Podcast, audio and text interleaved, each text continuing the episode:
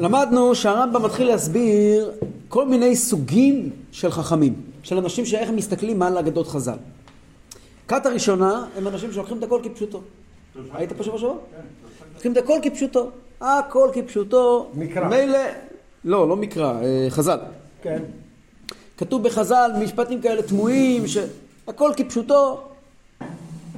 יש כל מיני אגדות של רבא בר חנה, אשר הגל, ובראש הגל יש ניצוץ, ומעלה ניצוץ יש כל מיני דברים שהם נשמעים מופקעים מהשכל. הם מגיעים ואומרים, לא, זה ככה היה כפשוטו. והם חושבים שבזה שהם כל דבר אומרים שהוא כפשוטו, הם כאילו מרוממים. איזה ניסים ואיזה נפלאות. ובאמת הם לא מרוממים שום דבר, אלא להפך, לדעת הרמב"ם. אה, אמרתי כבר שיש כאלה שחולקים על זה, אבל הכת השנייה, אלו אנשים בדיוק הפוך. הם לוקחים את הכל כפשוטו, ולכן הם צוחקים מהתורה. יש להם הזדמנות לצחוק מהתורה. הם צוחקים מכל דבר ולועגים לכל דבר. הם טיפשים מטופשים, מה אתם חושבים לכם? שכל הדורות לא חשבו על השאלות שלכם? מה, מה, מה, מה אתם מחדשים? מה אתם שואלים כאלה שאלות? הכת השלישית, אומר הרמב"ם, זו הכת... הכת השלישית, אומר הרמב"ם, הם לא כת, הם כל כך קצת, שאי אפשר לקרוא להם כיתה. אומר, כמו שאי אפשר להגיד שהשמש זה, יש מין השמש. שמש יש אחת. אז אה, זה קומץ ממש של אנשים, זה אפילו לא כת, שהם, כשלומדים תורה, הם שואלים, הם מבינים שיש פה פשט ויש פה רמז, יש פה סוד. הם מגיעים ואומרים, תקשיב, חז"ל לא היו טיפשים. הם אמרו כאן, הם אמרו כאן, אנחנו לא יודעים מה הפשט. לא, חכם זה לא מי שיודע את התשובות. חכם זה מי ששואל את השאלות. על ידי שאלות אתה מכיר. לא תמיד. המורים הכי טובים שהיו לי בישיבה, אם אתם שואלים, זה לא, סיפור. הוא גם לומד יותר. לא רק זה, לא, זה נכון, אבל לא רק זה. המורים הכי טובים, היה לי שני סוגי מורים בחיים שלי. היו לי מורים שענו תשובות, והיו לי מורים שרק שאלו שאלות. ואם אני רוצה להגיד תודה למישהו, זה לאלה שרק שאלו שאלות. אלו היו גדולים באמת. אדם גדול מאוד, לא רק. זה מגרה אותך. לא רק, לא רק, לא רק, לא רק מגרה אותך. לא רק מגרה אותך. אדם שמבין קצת, יש לו תשובה לכל דבר. מי שמבין באמת, יש לו שאלה בכל דבר. ההבדל בין מי שמבין למי שלא מבין, למי שמבין הכל סגור, מי, ש, מי, ש, מי שלא מבין, אין לו בעיות. יוסיף דעת, יוסיף מכאוב. אם, הרבה מאוד פעמים אנחנו, וזה בעיה, אנשים סותמים לעצמם את המוח. אנחנו מתרגלים לעשות דברים מסוימים, ואוקיי, אז ככה זה, וזהו זה, ומתרגלים, ועושים את זה, ו... עכשיו, לעשות צריכים לעשות, אין שום ספק. אבל כשאתה לומד בצורה נכונה, מה שנקרא לימוד יסודי, אסור להשאיר אבן על אבן. צריך להשאיר את המוח משוחרר לגמרי, ולשאול על כל דבר. ככל שאתה שואל יותר, אתה יותר בריא, אתה יותר רואה נכון את הסיפור. וכל החיים זה לטפס בשאלות. ככל שבן אדם יותר מעמיק, הוא שם, הוא, שם, הוא שם יותר לב לדברים המשונים. אתן לכם דוגמה. הדוגמה, סליחה ברשותך הרב, אה, רבי יוחנן בן זכאי, כשנפטר אה, שמעון בן לקיש, אז הוא- הוא הרג- הרגיש... רבי יוחנן, לא רבי יוחנן. בן זכאי, רבי יוחנן. אז רבי יוחנן, כן. אז הוא הרגיש מה זה, אמר איפה... מי שישאל שאלות. אה, כן, נכון. בסוף הוא מת מצער. כן. כן, כן. כן. אבל, אבל, אמר חברותא ומיתותא. כן. נכון. אבל הנקודה של לשאול שאלות זה דבר מאוד מאוד מאוד גדול. הרבה פעמים, בפרט עם נוער וזה, אומרים להם, אל תשאלו שאלות. אומרים להם, כן. תאמינו, קבלו ככה. זה בעיה. אתה בעצם סותם להם את הראש, אתה, אתה חוסם בפניהם את היכולת להתפתח. כי רק כששואלים שאלות אפשר לשים לב. מי שלא שואל שאלות לא שם לב. כשאדם שואל, אתה מסתכל, אפילו בחיים, כל דבר, חוקי הטבע אפילו. יש לנו המון שאלות. ככל שאתה תהיה יותר מדען יותר גדול, יהיו לך יותר שאלות. אם אתה תלך למכון ויצמן, למדענים הכי גדולים, מה יש להם יותר? תשובות או שאלות? שאלות. שאלות. תלך למ- למדענים יותר קטנים, פחות שאלות, פחות שאלות. תלך לבן אדם שלמד מדע, מה אתה רוצה? לכל דבר יש תשובה. כי הוא לא יודע כלום. כן. ככל שאתה מעמיק, אתה רואה כמה חורים יש. גבינה שוויצרית. אתה יודע, על על סמך דברים האלה שאמרת, כשאתה בא לשאול איזה רב, איזה שאלה, אז הכי פשוט להגיד לך אסור. אבל לעומת זאת, אדם שמתיר, הוא יותר חכם ויודע, כי הוא בחן ואת את הדברים לעומק, ועל סמך זה הוא יודע מה שהוא אומר והוא מתיר, ולא רק אסור, אסור ואסור. בכלל, שאלה, שאלה מערערת את המציאות. שאלה פירושו, אתה רואה משהו, מגיע השאלה ואומרת, מי אמר שאתה רואה נכון? אז השאלה בעצם סודקת את מה שאתה רואה. השאלה סודקת את מה שאתה רואה. מה אתה רואה עכשיו? אני, אני, לא מה שראיתי מקודם. אז כבר התקדמנו. התקדמנו. עכשיו, מה אתה רואה עכשיו? לא יודע, יש לי שאלות. עוד שאלות, עוד שאלות. ככל שאני שואל יותר שאלות, אני בעצם סודק יותר ויותר רבדים על המציאות. נכון. זאת אומרת, בן אדם, אתה אומר לו, למה הרכב נוסע? ברור שהוא נוסע, מטעינים אותו, הוא נוסע, מדליקים אותו, הוא נוסע. כן? אז פתאום, אבל למה, איך זה עובד? שואל שאלות. וככל שהוא ישאל יותר, הוא מתקדם בעצם יותר בהבנה של הרכב. אז לכן הרמב"ם אומר שהכת השלישית, היא, היא שואל, הוא לא אומר שהיא יודעת את הסוד. מה הוא אומר? שואלת. היא שואלת. שואלת.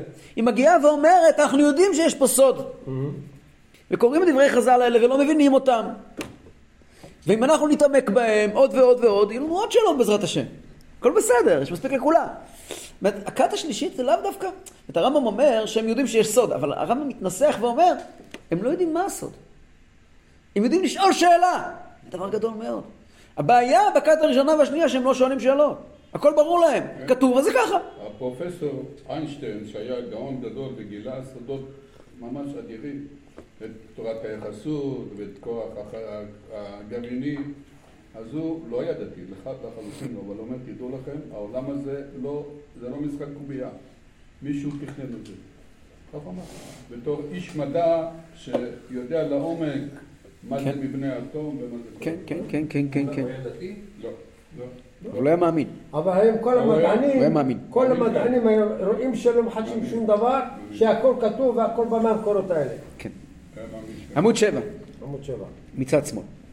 ואם אתה קורא, עמוד שורה 40, אם אתה קורא מאחת משתי הכיתות הראשונות, אל תעיין בדבריי בשום דבר מן העניין הזה, כי לא יתאים לך ממנו מאומה, ולא עוד אלא שיזיק לך ותשנאהו. כי איך יתאימו מיני המזון קלי הכמות ממוצאי האיכות, לאדם שכבר הורגל למיני המזון הרעים והכבדים.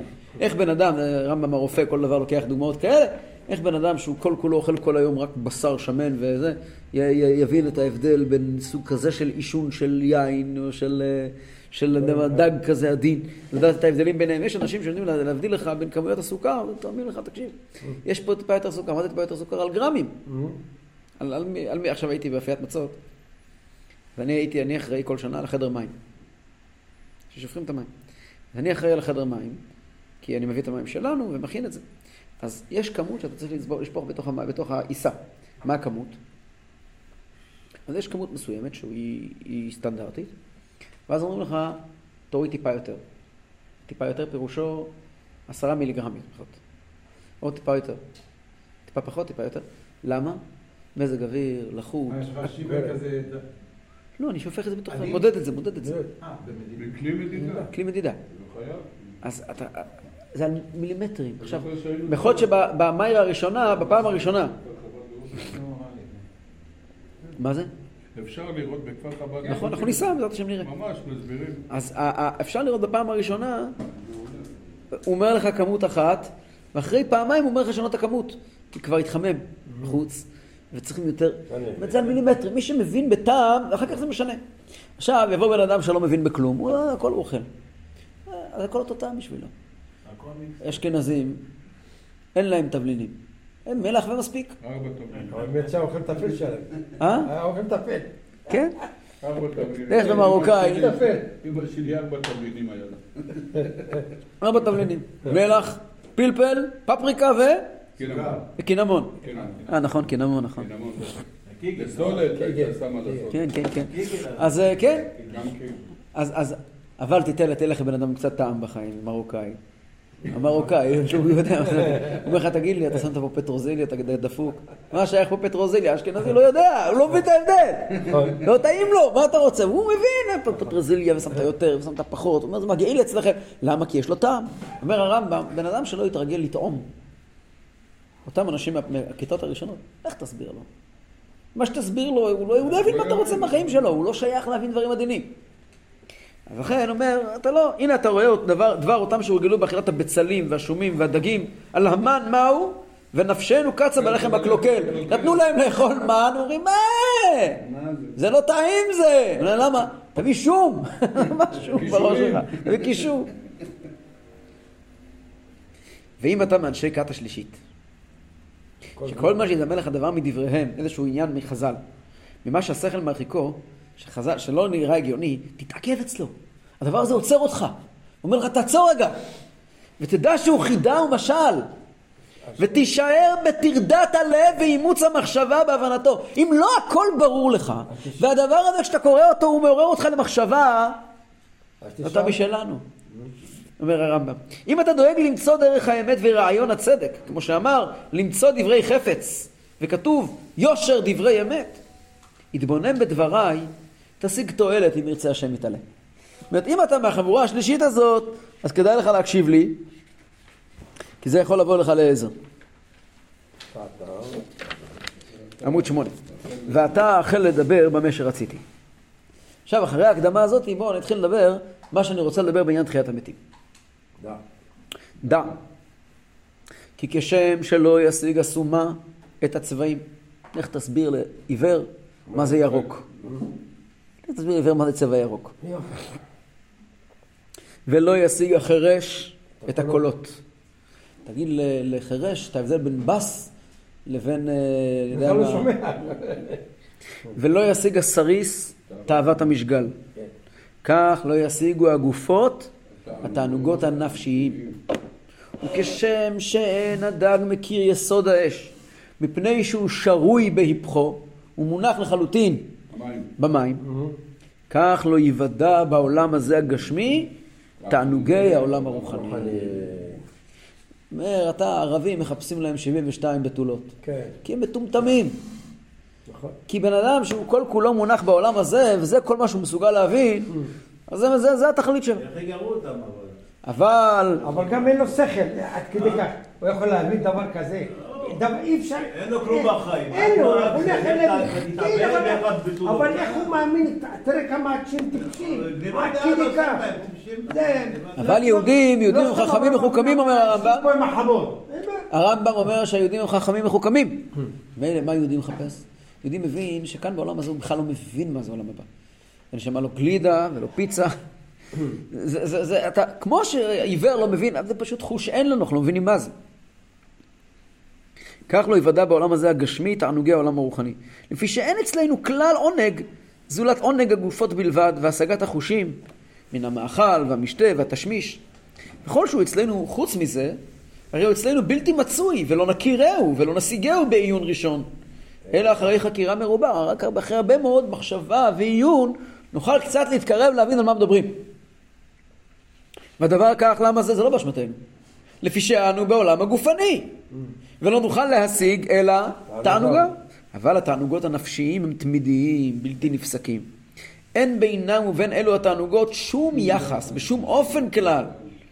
ואין נכון לנו לפי התורה, ולא אצל האלוהים מן הפילוסופים, זאת אומרת לא על פי תורה וגם לא אצל הפילוסופים הגויים, אלה מהם שעסקו בנושא של אלוקות, לומר שהמלאכים והכוכבים והגלגלים אין להם תענוג. זאת המלאכים והכוכבים והגלגלים זה מערכות, ה... המערכות האסטרונומיות שהרמב"ם מכיר, הרמב"ם דיבר עליהן. היום אה, מסודר קצת אחרת, מדברים קצת אחרת על המערכת האסטרונומית, אבל ההסכמה הייתה שלשמש ולירח, בכלל לכוכבים ולמזלות, יש תחושות. מלאים זיו ומפיקים נוגה, יצרם בדעת, בבינו והשכל, מלאים זיו, שמחים וששים לעשות רצון קונם. נכון? יוצאים בשמחה, איך כתוב שם בקהל אדון כל המעשים? טובים מאורות שברא אלוקינו, יצרם בדעת, בדעת, ובהשכל. בתבונה והשכל, כוח וגבורה נתן בהם. כן, כן. מלאים זיו, מפיקים נוגה, נאה זיום בכל העולם, שמחים בצאתם, מששים מששים בבואם, עושים בהמה רצון קונם. פאר וכבוד, כן, אנחנו אנחנו יודעים שיש להם תחושות. יש להם תחושות. אין להם בחירה, אבל יש להם תחושות. התחושות שלהם הם נחשבים יצורים יותר רוחניים מאיתנו. יותר מזה המלאכים. יש להם, יש, להם, יש להם עולם משלהם, יש להם שפה משלהם, אין להם בחירה חופשית, אבל יש להם כן תחושות. כן. והמלאכים נקראים הרי חיות. נכון? למה? כי גם החיות, יש להם תחושות, אין להם בחירה חופשית. אז uh, כולם מדברים, אז יש להם גם תענוגות. התענוגות שלהם זה לא התענוגות שלנו, הם לא נהנים מפיצה או מפלאפל. כמו שפעם נסעתי באוטו, והילדים שלי היו קטנים, ושמעתי קצת uh, קוורטין. והשתיק לי טוב. ואני ככה נהנה, והילדה שלי שואלת אותי, אתה יודע מה זה קוורטין? קוורטין זה מהחזנים הכי גדולים של הדור הקודם. הוא, השתיקל המפורסם שלו זה טירה בשמואל עצמי. מאוד מפורסם. והילדה שלי שואלת אותי, אבא, מה זה הצעקות האלה שאתה שומע שם? אז אני אומר לה, זה כמו סוכריה של מבוגרים. אז היא אומרת לי, זה עושה חורים בשיניים? בינתיים זה עושה לי חור בראש. זאת אומרת, היכולת להבין שיש תענוגות שהן, הפעם הייתי באמת, פעם היה, הוזמנתי פה בחולון להופעה, ב... היה חלוקת פרסים על משהו, בבית יד לבנים. הביאו זמר, אני לא זוכר אפילו מי זה היה, זמר גדול, אה, אמיר בניון אני חושב, אה. משהו כזה. ואני ישבתי וסבלתי סבל נוראי, וכולם מסביב נהנו. למה סבלתי? כי אני לא רגיל למוזיקה הזו. אני לא רגיל למוזיקה הזאת. נכון, לא רגיל. נכון. אם מישהו אחר אני אקח עכשיו בן אדם שרגיל למוזיקה הזאת, אני הולך להושיב אותו לשמוע. מוזיקה של, של זבולון קוורטין, הוא לא ייהנה. אה? הוא לא ייהנה. הוא לא ייהנה. זה טעם נרכש. כמו מישהו- מישהו שבקוורטט, תיתן לו לשמוע אופרה. אה? זה כמו מי שלא אוהב כן. וישמע אופרה. נכון. היום- נכון. היום יש אה, מגמה לקחת קטעי אופרה מאוד מאוד מפורסמים ולהפוך אותם לקטעי חזנות. ויענקלה רוטנר, יש דמיון מאוד מאוד גדול. יענקלה רוטנר. אה, אבל חזנות זה, זה, זה גם עולם שנאבד. כמה אנשים מבינים בחזנות היום? הבן שלי הוא במקהלה שלו וגם... מה, פתח תקווה? כן, במקהלה רחובות. אה. אז זה המומחיות שלו, לקחת קטעים מנבוקו. ולחבר. ולשים עליהם מילים קדושות. מילים כן. יפה מאוד. אז, ממילא, יפה. אז זה תענוג, אחד לא מבין את התענוג של השני, זה אפילו בעולם הזה הגשמי. זה תענוגים שבכלל בר- בר- ברובד אחר לגמרי. אז, אה, אז, אז פה להגיד שיש להם תענוג. מה התענוג שלהם? יש להם תענוג גדול מאוד במה שהשכילו מן הבורא יתהדר ויתרומם. התענוג שלהם זה מהשכלת השם. וככל שמבינים ומתקרבים יותר בהשכלת השם, זה התענוג שלהם יותר גדול. והם על ידי כך בתענוג תמידי בלתי פוסק. ואין תענוג גופני אצלם, ואינם משיגים אותו. לפי שאין להם חושים כמונו שישיגו במה שאנחנו משיגים. אותם לא מעניין התענוגות הגשמיים שלנו. וכן אנחנו, אם נזדכך ממנו מי שנזדכך, והגיע לאותה מעלה אחר המוות, אם אנחנו נצליח להזדכך ולהתרומם למעלה של כמו אחרי שאדם מת, לא ישיג את התענוגות הגופניים ולא ירצם. אלא כמו שירצה המלך האדיר במלכות, שיעקר ממלכותו ויחזור לשחק בכדור ברחובות. אומר, לך תגיד עכשיו למלך אדיר, אני יודע מה, לפוטין, אתה עכשיו פוטין, יוצא קצת זה, היום אולי זה קצת כן מובן, אבל בוא, לך תשחק כדור עם החבר'ה בשכונה. זה יהיה התענוג שלך, זה התענוג שלו.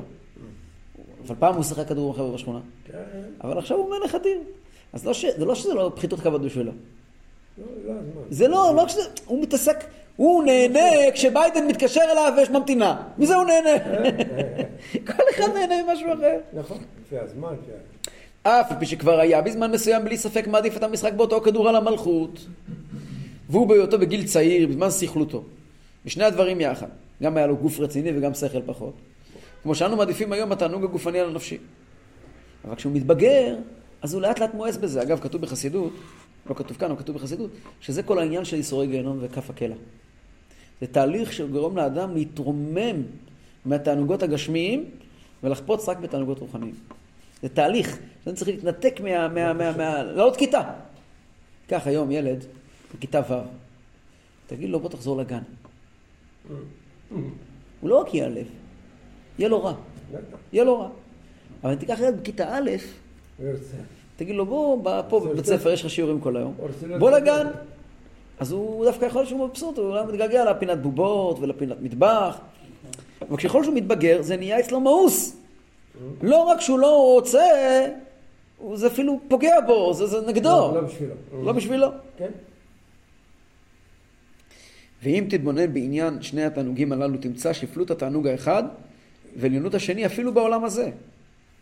גם בעולם הזה יכול למצוא את שני העניינים האלה, שבן אדם אה, מתנתק לגמרי מתענוג אחד ומוצא טעם בתענוג יותר עליון. איפה רואים את זה? שאנו מוצאים רוב בני אדם, ואולי כולם, מטילים על נפשם וגופם עמל ויגיעה שאין למעלה מהם כדי להשיג הגדולה. אנשים מוכנים להתייגע מאוד מאוד מאוד מאוד כדי להרוויח איזשהו מעלה. אדם מוכן אה, לטפס את כל האברסט כדי להגיע אל האברסט למעלה. אדם מוכן להשקיע הרבה מאוד כסף ולעבוד קשה ולהתבזות. להצטלם עם כל מיני מטומטמים ברחובות, כדי להיבחר עוד הפעם להיות ראש העיר, ראש הממשלה, אני יודע מה. הוא מתבזה, ומבזבז את כל הכוחות שלו. על מה? כדי שיכבדו בני אדם. זאת אומרת, שדבר שלכאורה הוא אמור להיות ביזיון ואמור להיות פחיתות הכבוד, אתה אומר, אני מוכן לשלם את המחיר הזה, אבל... אבל כדי להתקדם קדימה. והרי תענוג זה אינו תענוג מאכל ולא משתה כבוד, זה לא תענוג גשמי, תענוג רוחני. אז הנה אנחנו רואים שאדם שמחפש כבוד, מואס בתענוגות גשמיים, בשביל תענוגות יותר רוחניים. וכן רבים מבני אדם מעדיף להינקם מאויבו יותר מרבים מתענוגי הגוף. לפעמים רואים בן אדם שבשביל להינקם במישהו, הוא מוכן לשלם על זה מחיר בגוף שלו. לא לאכול ולא לשתות וללכת ולעשות איזושהי פעילות, הוא מפסיד מזה. וזה לא אכפת לו. כי הוא רוצה את תאוות הנקמה. זה עניין נפשי, זה לא עניין גופני. ו- וכשהוא נמצא בתוך תאוות הנקם שלו, שזה מידה מהנפש הבהמית, מידה גרועה מאוד, אבל כשהוא נמצא בתוך תאוות הנקם שלו, אוכל ושתייה לא מעניינים אותו. הוא מוכן אפילו. והרבה מבני האדם נמנעים. נמנעים מן הגדול שיכול להיות בתענוגי הגוף, מחשש שמא תבואו בכך בושה או חרפה מבני אדם. אנשים מתאפקים מכל מיני תאוות שיש להם, ואפילו תאוות הכי חזקות, כדי שלא יהיו להם בושות. זאת אומרת שהבושה מכריעה את התענוג, גם אצל אנשים פה בעולם הזה. בושה זה עניין רוחני, תענוג זה עניין גופני. בכל זאת, אנשים כאן בעולם הזה, לא בעולם העליון, מבינים שהנפשי גדול מן הגופ- מן הגופני. או כדי להשיג שם טוב. אם כך, הוא, ואם כך הוא מצבנו בעולם הזה הגשמי. יש סיפור על, על איזשהו צדיק אחד, רב אחד, שהיה צם כל השבוע, תענית הפסקה. מה היה עושה? תענית, אה, שישה? ימים, תענית. עד שבת. בערב שבת היה הולך לבית. כנסת, חוזר לבית. כנסת, לא צדיק. ולא יסוד עולם. חמור יסוד עולם. היה מתענה. איפה כתוב שצריך להתענות? לא כתוב. יותר מדי אפילו. לא כתוב שצריך להתענות, איפה כתוב שצריך להתענות? לא לא מבקש, אפילו התורה על נזיר לא- לא נכון. יפה, אז חמור יסוד עולם, לא צדיק יסוד עולם. אבל החמור יסוד עולם הזה היה מתענה. משבת לשבת עוסק בתורה בלי להפסיק.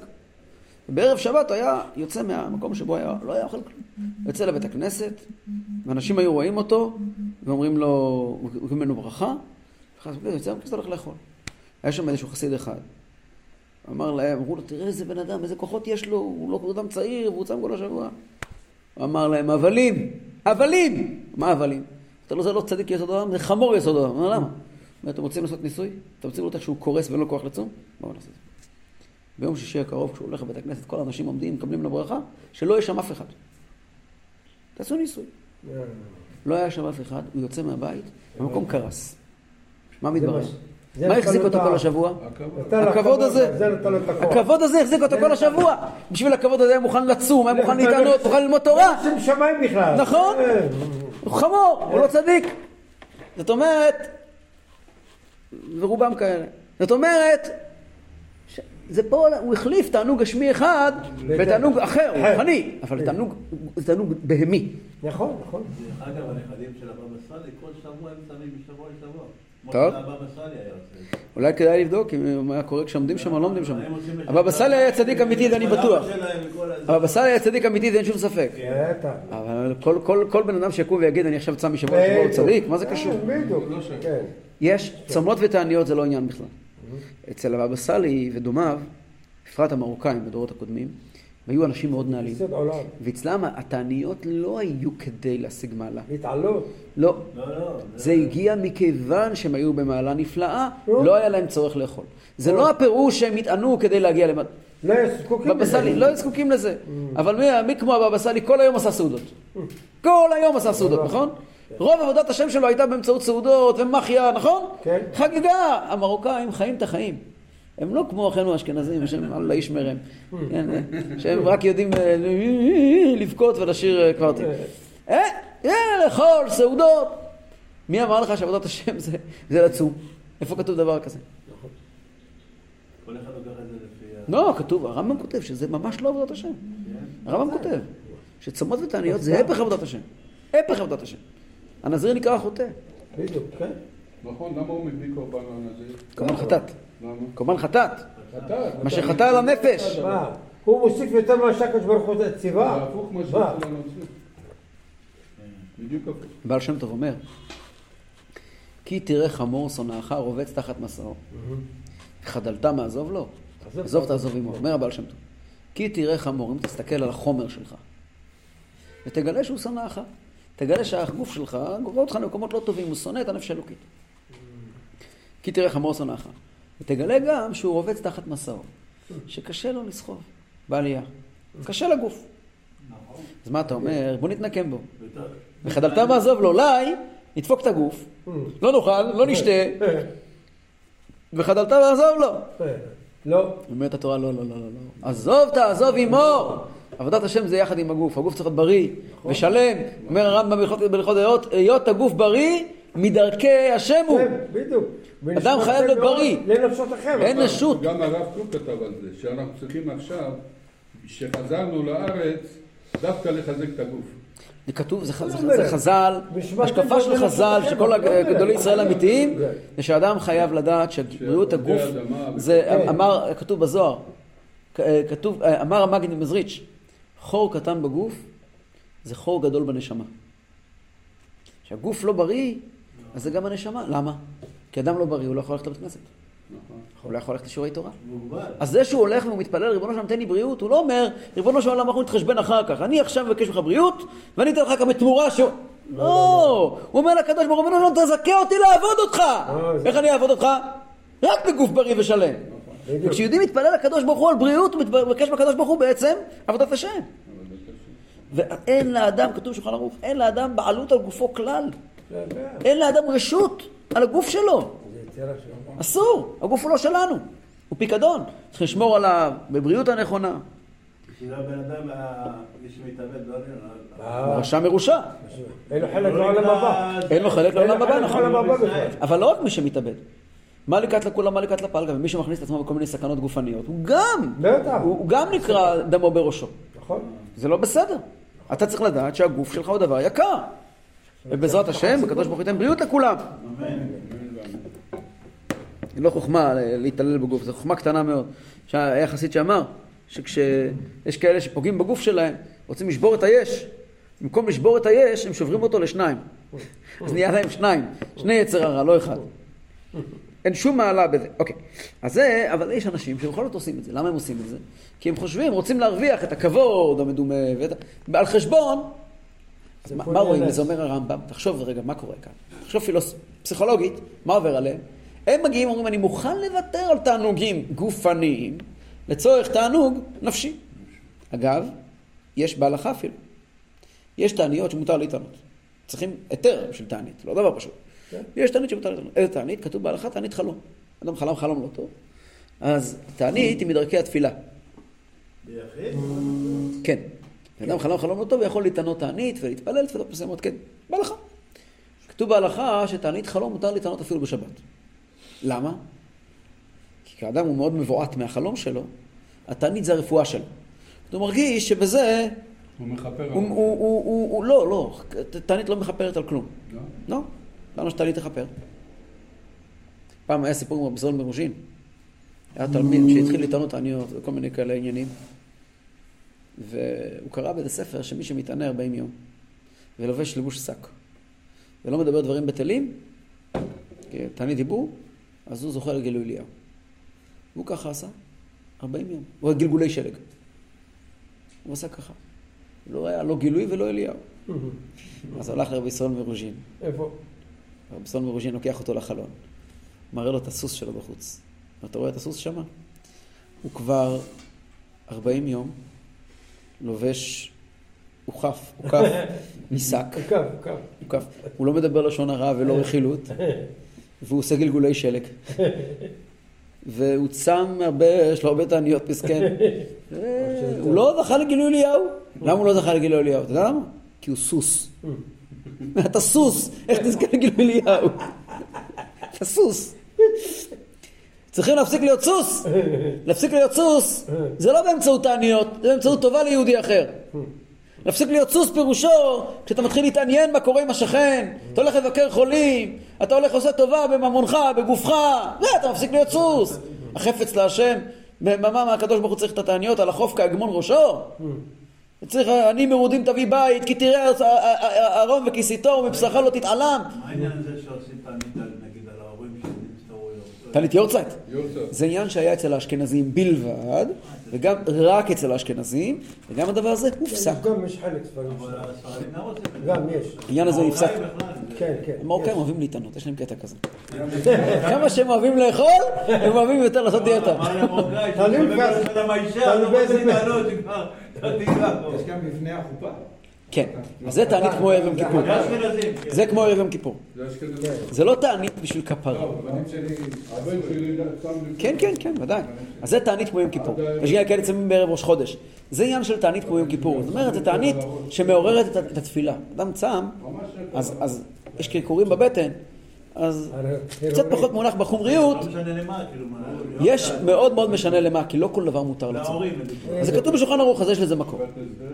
זה- היות שזה כתוב בשולחן ערוך, אז יש לזה מקור. אז מה, אדם יתענה ביוצא של ההורים שלו, ילך בצהריים, ישן כל הצהריים, הוא מתענה. ישן כל הצהריים, במקום בן אדם אחר אכל קם בבוקר, אכל כל מ- סעודה של מו בשעתו, ואחרי זה ישב ולמד את ארבע מסכתות משנה לכבוד ההורים שלו. מי פעל יותר? השני. ברור שהשני.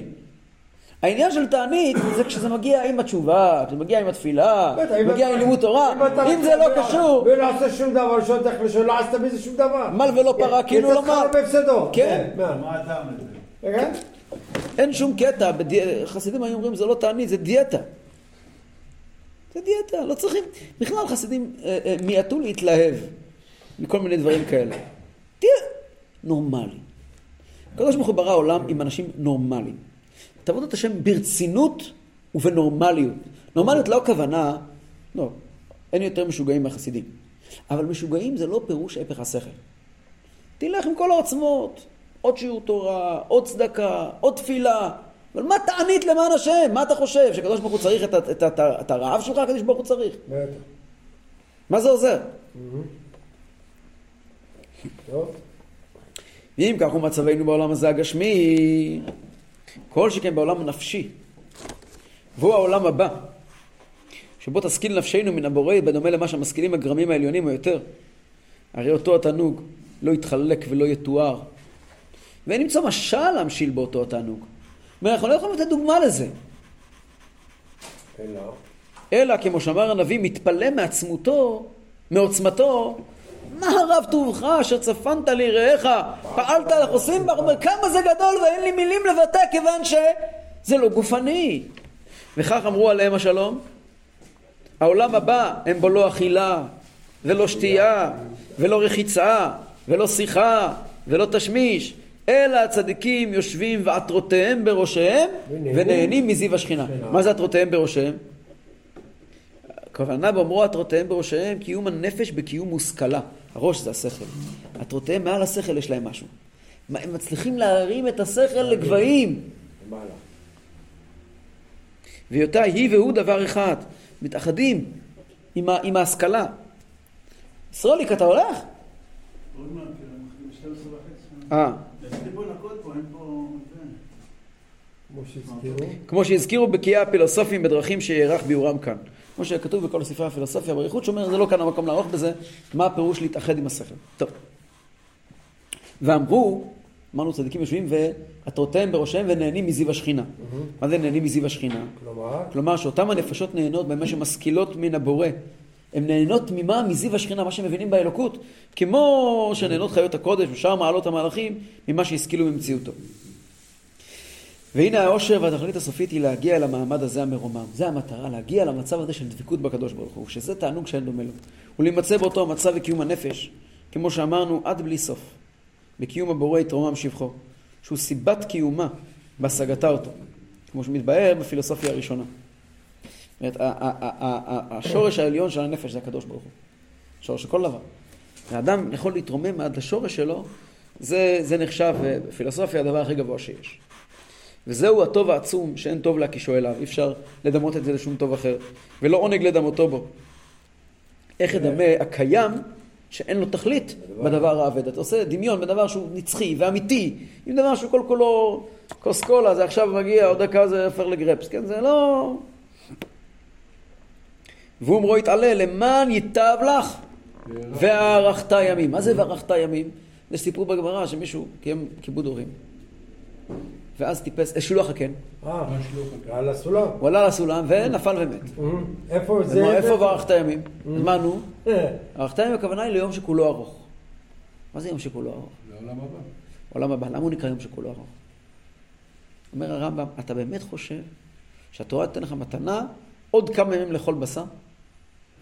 עוד כמה ימים לדבר לשון הרע? מה, מה, מה? ארכת ימים פירושו יום שכולו ארוך. מהרגע הראשון שלו הוא ארוך. יום שאין לו, הוא לא בתוך מדידה של זמן. בקיום שהוא לא קשור לזמן, קיום שהוא של נצח. זה פירוש יום שכולו ארוך. לעולם שכולו טוב, וארכת ימים לעולם שכולו ארוך. והנקמה הגמורה, זה השכר האמיתי. והנקמה הגמורה היא שתכרת הנפש ותאבד ולא יהיה לה קיום. והוא הכרת האמור בתורה. מה זה כרת? תחיה את החיים כמה שאתה רוצה, תאכל בשר ודגים וכל מטעמים, ותיסע לטיולים ותהיה בדובאי, הכל בסדר. אבל איך כתוב על מצרים, ויכסו מים צריהם, אחד מהם לא נותר. מה זה אחד מהם לא נותר? אומר הרבי הקודם, קשר עם איכות. איכות זה שם אחד. אה, פה עם שלם, כזה קצף, אה, כזה הואה, כזה רעש הם עשו.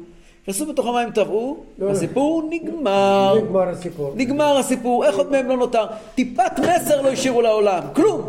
כמו בועה, נגמר, התפוצץ. יהודי נפטר, תסתכל הרמב"ם בעצמו, נפטר לפני 850 שנה. אבל הוא נפטר, כמה הוא השאיר פה? עד היום, לומדים? נשאר, הוא פה! אז הגוף שלו פה, והוא עצמו, הוא ודאי שהוא נמצא עכשיו בעולם העליון ולומד רמב"ם. פעם הרבי אמר שהרמב"ם לומד רמב"ם, אז הוא לומד את זה כל שנה בפירוש חדש. בגן עדן. כתוב, כתוב, כתוב בחסידות, שמשה רבינו שלושת אלפים שנה בגן עדן, כל שנה לומד את התורה בפירוש חדש. בעומק יותר. אז פעם הרבי הזכיר בנוגע לרמב"ם, שיש חידושים שמתחדשים בדורות האחרונים ברמב"ם, האם הוא מתכוון, לא התכוון. הרמב"ם, ככל שהוא מתבגר, אז גם הוא לומד ומבין את הרמב"ם יותר טוב. יותר טוב. ממשה עד משה לא קם כמשה. כן, כן, כן. ואמר הכתוב, ישרוליק, אנחנו אוהבים אותך מאוד. מאז נאמר, הכל בסדר. ואמר, הכתוב, איפה זה? והנקמה הגמורה הוא שתכרת הנפש ותאבד ולא יהיה לה קיום, והוא הכרת אמור בתורה. ועניין הכרת הכרתת הנפש.